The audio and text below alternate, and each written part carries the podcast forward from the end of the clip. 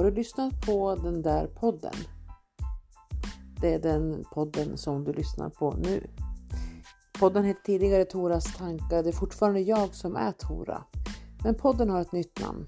Så välkommen till den där podden.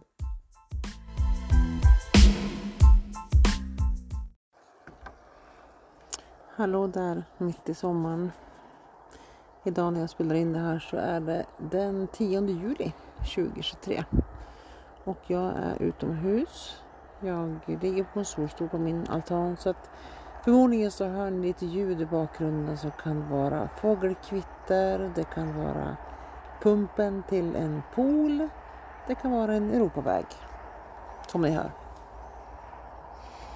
Men jag hoppas i alla fall att ni hör mig tillräckligt bra för att kunna stanna kvar och lyssna en liten stund. Jag är väldigt tacksam över alla er nya som har hittat ut till min podd. Jag är jättetacksam över detta och jag eh, är också glad om ni gillar det här och delar den. Det skulle vara kul att få lite spridning. Utifall det är så att du hittar någonting i den här podden som du gillar så tänker jag att det kanske finns någon till. Och jag når ju inte dina kompisar, tänker jag. Så kanske du kan hjälpa mig. Och så kan de nå sina kompisar.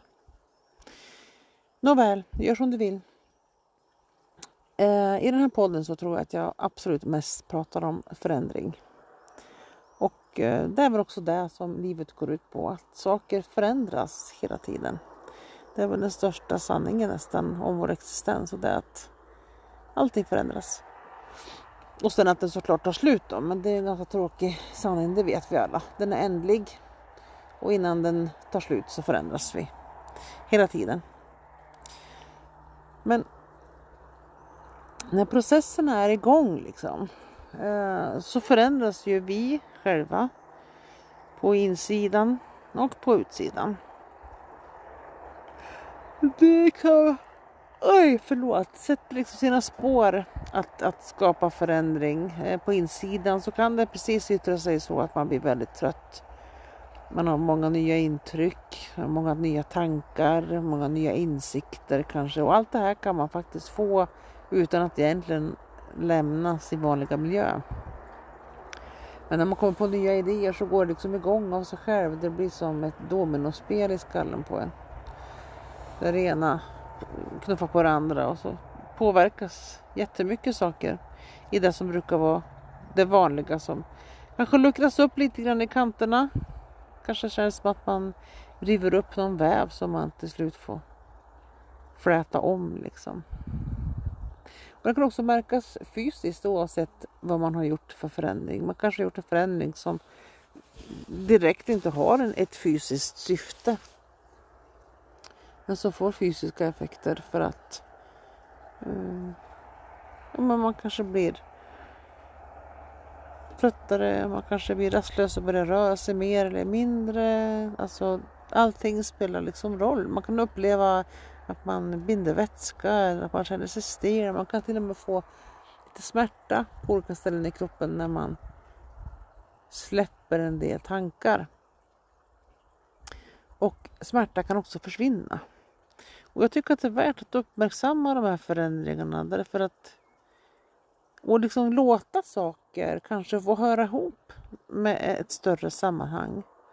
Låta saker kanske ha tid att läka och inte alltid sträva efter att man ska tillbaka till hur det var. Och att man också är uppmärksam på så vis att det vore ju jättetråkigt om mina förändringar innebär att jag har till exempel mindre fysisk smärta men jag kanske är så upptagen av att det är jobbigt i mitt huvud att jag faktiskt inte reflekterar över att jag inte längre har lika ont till exempel. För ibland så gör vi faktiskt det. Vi har fullt upp med det som är jobbigt så att vi missar det som faktiskt håller på att bli lite bättre. Det kan ju vara så många saker som pågår samtidigt i både plus och minus vågskålen. Men något som också påverkas när vi har våra processer eller när våra tankar och idéer byts ut eller kalibreras. Det är vår omgivning. Jag tror nämligen inte att det är möjligt att befinna sig i närheten av en människa i förändring utan att själv på något sätt, stort eller smått, förändras.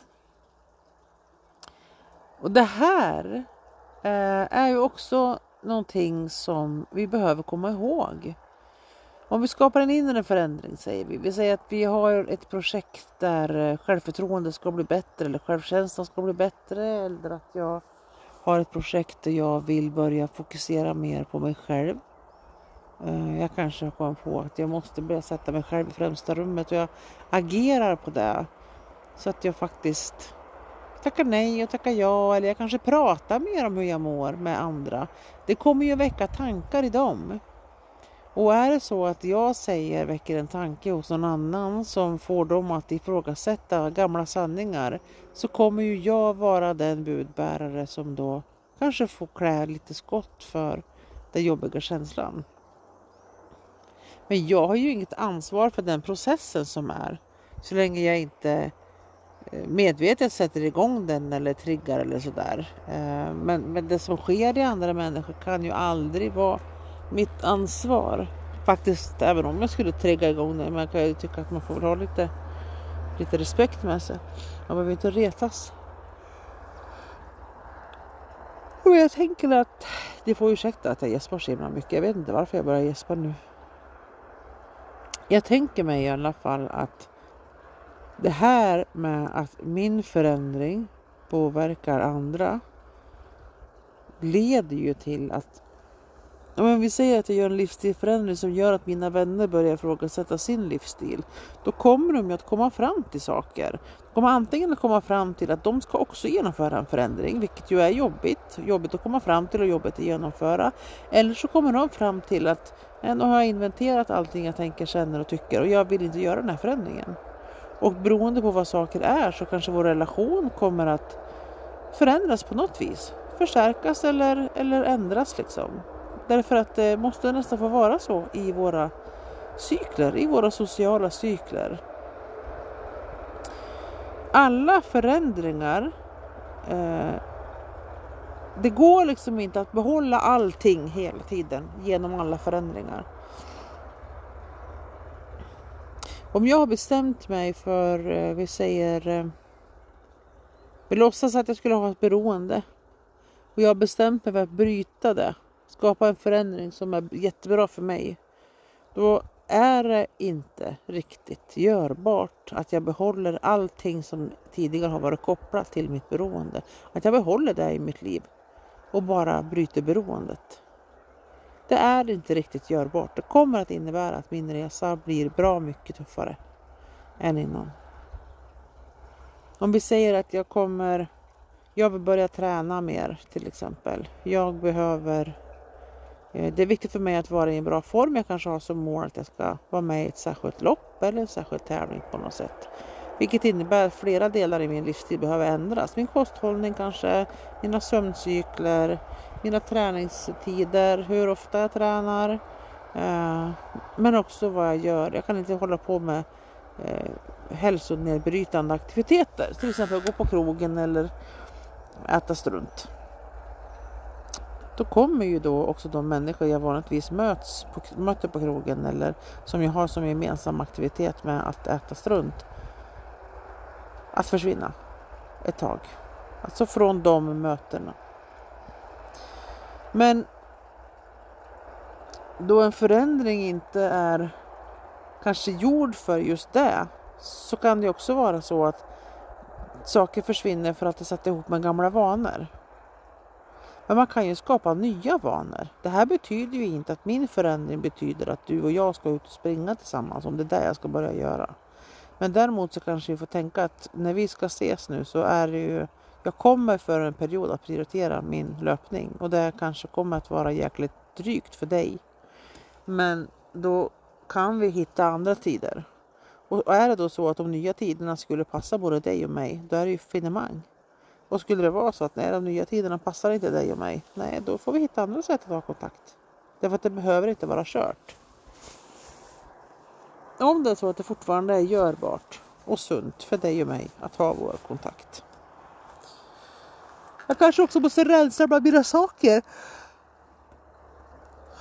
prylar som inte längre tjänar mig. Ponera att jag måste stressa ner i mitt liv, jag behöver må bättre, jag behöver sova bättre. Då kanske jag också måste rensa bland stöket. Och då kanske det inte är möjligt att både få till en rensning och behålla alla fina saker som jag tycker så mycket om. Och gör jag inte mitt jobb så kommer ju min, min ro inte att infinna sig. Då kommer jag stå där i mitten. Vill jag ha till en förändring men jag gör inte det jag behöver göra för att det ska bli så. Och jag kan behöva göra mig av med prylar. Jag är själv en sån som äger alldeles för mycket saker. I mina tankar så pendlar jag mellan någon tanke om att jag ska bara äga tio saker och då ska jag vara fri. Och det tycker jag känns rimligt. Tills jag tar i den första grejen som jag ska göra mig av med och känner att jag inte kan därför att den, den betyder något för mig. Alla saker jag har oavsett om jag har fått dem eller köpt dem eller så har jag valt en gång. Och det där har jag ganska, eh, vad ska jag säga, fastklistrad hang-up på. Att jag en gång har valt vill jag ha kvar. Med mycket av mina saker. Vissa grejer kan bara ge iväg men det är ju de här sakerna jag känner någonting för. Av någon anledning som det är så. Och allt det här är inte saker av affektionsvärde. Det här är inte ärvda grejer med en historia. Utan det kan lika gärna vara så att men det där kan vara bra att ha utifall, utifall, utifall. Och ett exempel kan ju då vara eh, något som jag kanske inte har använt på flera år. Men när jag tar i det och ska göra mig av med det, ge till någon annan eller sälja eller slänga. Då känns det som att det skulle kunna hända när som helst. Min logik är liksom inte närvarande i min rensning. Men det faller bort på lång tid eller kort tid. Det betyder inte att någonting är fel. Det betyder heller inte att någonting är permanent.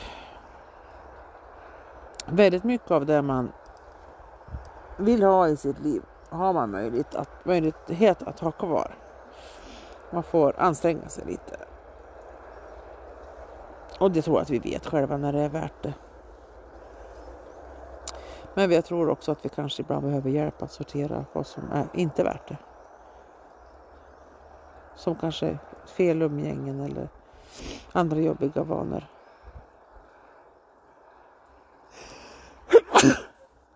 Nu bjuder jag på mycket idag. Jag nyser och gäspar och bortannat här. Jag spenderar jättemycket av min lediga tid just nu eh, till att bara vara ledig. Älskar att vara hemma. Älskar att ha det tyst och lugnt runt omkring mig. Och jag uttrycker också det inför mig själv och inför andra. Men bara för att jag älskar att vara här betyder inte att jag ogillar någonting annat. Men jag har upptäckt att jag har jättemycket att vinna på att vila när jag behöver vila. Och att helt enkelt inte sätta mig in i och börja boka någonting som jag inte är säker på att jag kan genomföra. För det skapar stress i mig. Så för mig är det en sån process. Att hålla mina löften till mig själv. Försöka räkna ut i början vad är det jag tror är viktigt för mig. Och så skapar jag vägen. Jag liksom krattar manegen för mig själv. För det är ju jag som ska göra det. Det finns ju ingen som kommer att rädda mig. Ingen är satt på den här jorden för att göra det. Och jag är inte satt på den jorden för att rädda någon annan heller. Men vi kan inspirera varandra. Så att också då prata om de här förändringarna. Du vet, när jag förändras så förändras saker och människor och situationer runt omkring mig. Det blir så. Allting som jag har någonting med att göra kommer på något sätt att påverkas i stort eller smått. Men det betyder inte att jag har någon rättighet att säga ja. Bara för att jag gör så, så gör den och den så. Det är inte överhuvudtaget upp till mig. Betrakta, titta vad som händer, förstå att vi har en påverkan på varandra. Och det är ganska fint, för vi hör till en flock. Att någon börjar ifrågasätta saker. Jag behöver inte veta vad som händer där. Jag kan vänta och jag kan vara kvar. Om någon tycker att det är intressant det jag håller på med, då kommer de att komma tillbaka. Vi kommer att få det samtalet jag vill ha. För allting blir som det ska bli. Och allt det vi tänker drar vi till oss. Allt vi tänker drar vi till oss. I kategorier, så kan man tänka. Inte i detaljer. Och ju mer vi tänker på saker desto mer noterar vi saker som är i närheten av den, det ämnet. Har du bara tänkt på en särskild insekt under sommaren ska du se att du ser fler och fler sådana. Eller rådjur efter vägen eller en särskild sorts bil eller så. Jag tror jag har ett annat avsnitt där jag pratar om det där men det är lite så det funkar med attraktionslagen. Och du kanske inte är en sån som tror på attraktionslagen, att eh, du kan dra till dig saker. Men eh, du har ju ingenting att förlora på att pröva. På att pröva att tänka att jag får det jag tänker. Och att då tänka att om jag då tänker negativa saker så är det jag kommer få mer av. Tänker jag på att någon är avundsjuk på mig så är det sånt jag kommer få mer av. Och att också tänka ibland att det jag upplever är speglingar. Jag speglar mig själv i andra människor. Att blanda de tankarna lite men också vara ganska krass och tänka att även när jag upplever ett jobbigt möte med en person så kan det vara jag som fick en spegling där. Det kan vara något i mig som jag såg där. Men definitivt så tycker jag att du ska ta det personligt när du upplever ett positivt möte med en annan människa och tänka att det där hade jag någonting med att göra. För det där var en spegling av mig också.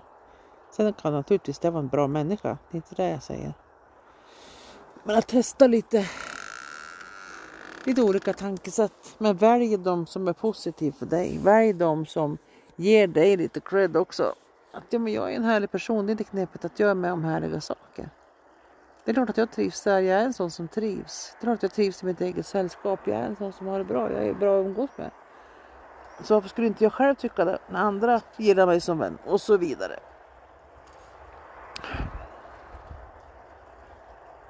Jag har inte svårt att tänka att det här avsnittet kanske fick något riktigt sammanhang men om du har lyssnat ända hit så har du i alla fall stått ut så att du kan inte vara helt åt fanders i alla fall.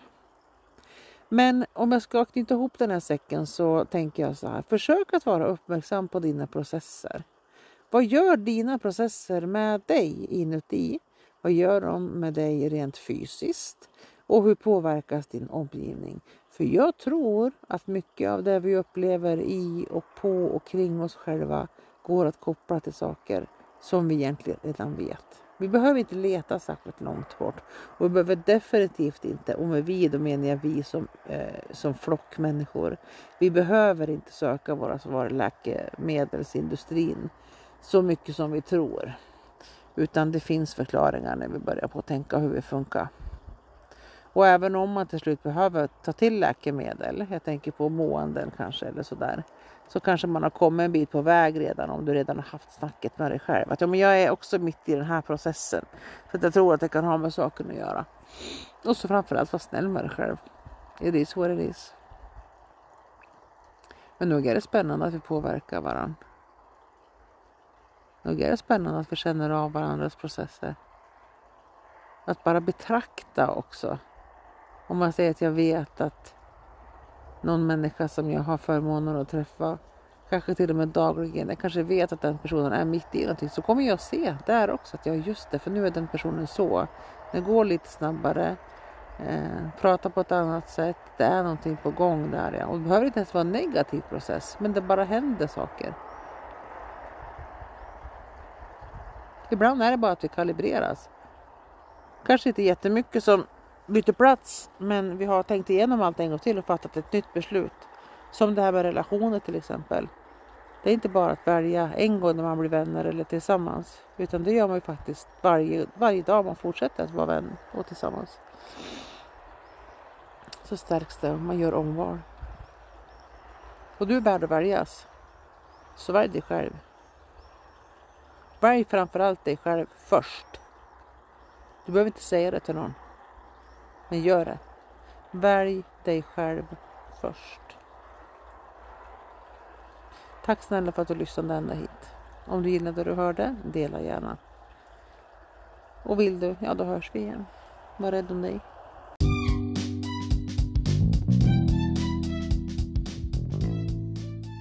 Tack för att du har lyssnat på ett avsnitt av Den där podden. Om du gillade det du hörde så är du välkommen att dela.